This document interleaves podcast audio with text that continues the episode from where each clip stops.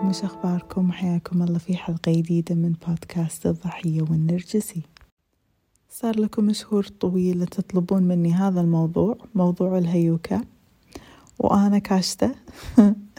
مو كاشتة حق أي سبب بس لأن أبي أرتب أفكاري عن الموضوع عشان لما أي أكلمكم فيه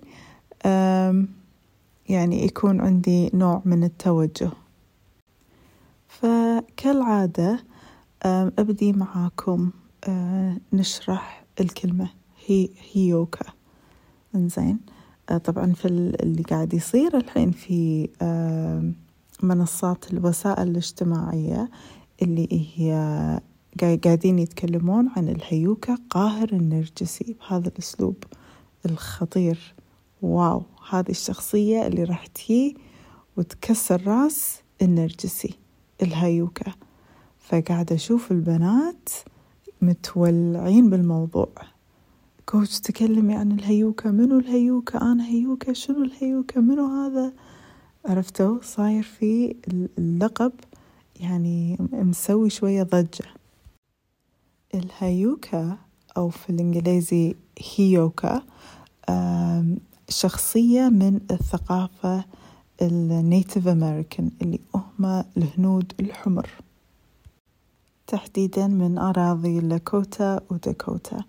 عندهم شخصية الهايوكا اللي هو يقولون عنه أراغوز أو clown. طبعا في الثقافات الأدبية لما نقول clown أو أراغوز لأن شنو ترجمة clown أراغوز بس هو مو هذا الشخص اللي الحين أنتم تخيلتوه في راسكم اللي خشمه أحمر وجهه أبيض ولابس هدوم ملونة وشعره curly على rainbow مو هذا ال clown في الثقافة الأدبية. لما نقول clown أو jester في الثقافة الأدبية هذه شخصية تكون متواجدة ويعني اللي يميزها الحكمة. يعني شخصية حكيمة فاقسة الكل فاهمة السالفة عارفة يعني ما ما نكذب عليها ما نقص عليها. يعني زين وليه ليه؟ ومن كثر ما هذه الشخصية صريحة وتتكلم بأشياء خطيرة الناس يعني مو ماخذتها بشكل جدي. عشان كذي نسميه clown وهو مو مو clown مو عبيط مو سخيف مو كذي بس لأ. بس من كثر ما هو يقول أشياء خطيرة عامة الناس طبعا ما يعجبها الحق. كلمة الحق ما تعجب الناس. فالهايوكا هو هذه الشخصية في الثقافة آه ثقافة الهنود الحمر ال Native Americans اللي في لاكوتا وداكوتا. فاقتبسنا منهم هذا الاسم آه حق نوع من ال empath. طبعا ال empathات أنواع وأشكال. حق نوع من ال empath يكون موجودة فيه هذه الخصال. يعني شكل شخصيته تكون شنو؟ إنسان حكيم فاهم. طبعا لأن لأن أمباث فيكون جدا متعاطف جدا حساس. وايد يسحب طاقة اللي حوالينا. بس أهم شيء أهم شيء اللي هو الحكمة والمفهومية ويعرف يعني شخصية الهيوكا أمباث يعرف آه شو السالفة سابق سابق الناس سابق زمانه كذي. ونلاقي بعد في خصلة آه هجاء أو الساتاير. ينتقد فاهم يعني إنسان جدا مثقف. طبعا هذه الشخصية جدا جدا نادرة.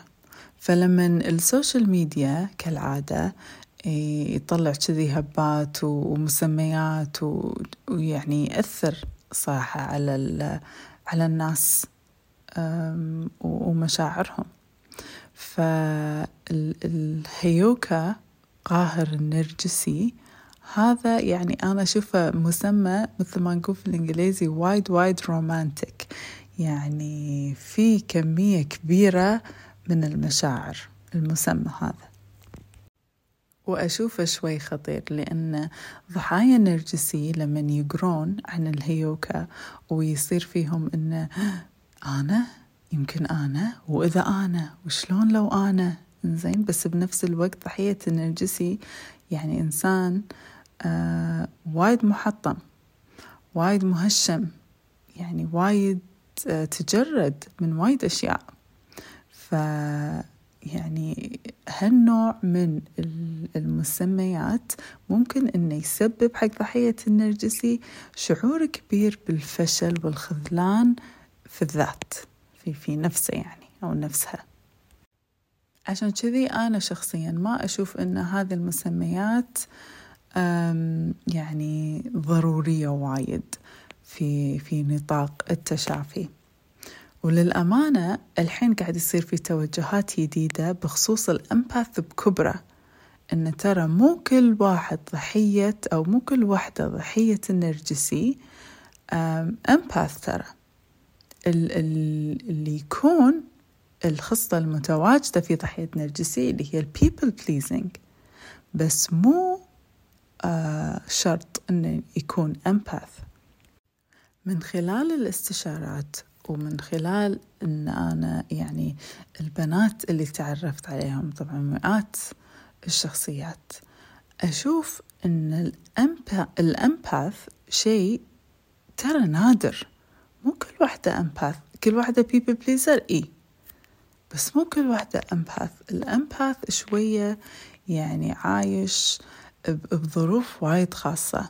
لاحظت فيهم عميلاتي ال empath إن هم يعني عندهم علاقة خاصة في الحيوانات عندهم علاقة خاصة في الطبيعة في الأشجار في الجو في الألوان.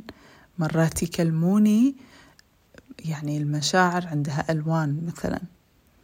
عرفتي؟ يعني شيء شيء خطير. وفي خط وايد وايد ضعيف يميز بين ال empath وال people pleaser فإحنا نشوف معظم الناس يقولون إمبلا ضحية النرجسي هي ال empath ال empath هي اللي تجذب النرجسي. وصح هذا الكلام صحيح. وال people pleasers عندهم أصلا درجة كبيرة من ال empathy وقدرة كبيرة في في إنه يحسون بمشاعر الناس. نلاقيهم يسمعون نبرات الصوت يشوفون آه، رسمة الوجه رسمة الحواجب ال body language حركات الجسم. نشوفهم يدرسون كل هالأشياء دراسة يعني عجيبين ال people pleasers عندهم empathy عالي. بس empath empath هذا المسمى خاص أكثر وحصري أكثر من مسمى people pleaser. دشوا ال account عندي شوفوا آخر reel نزلته اللي هو كان ال live يوم الأربعاء بالليل طلعت live معاكم على الانستغرام وتكلمت عن موضوع ال people pleaser وكان التفاعل وايد حلو.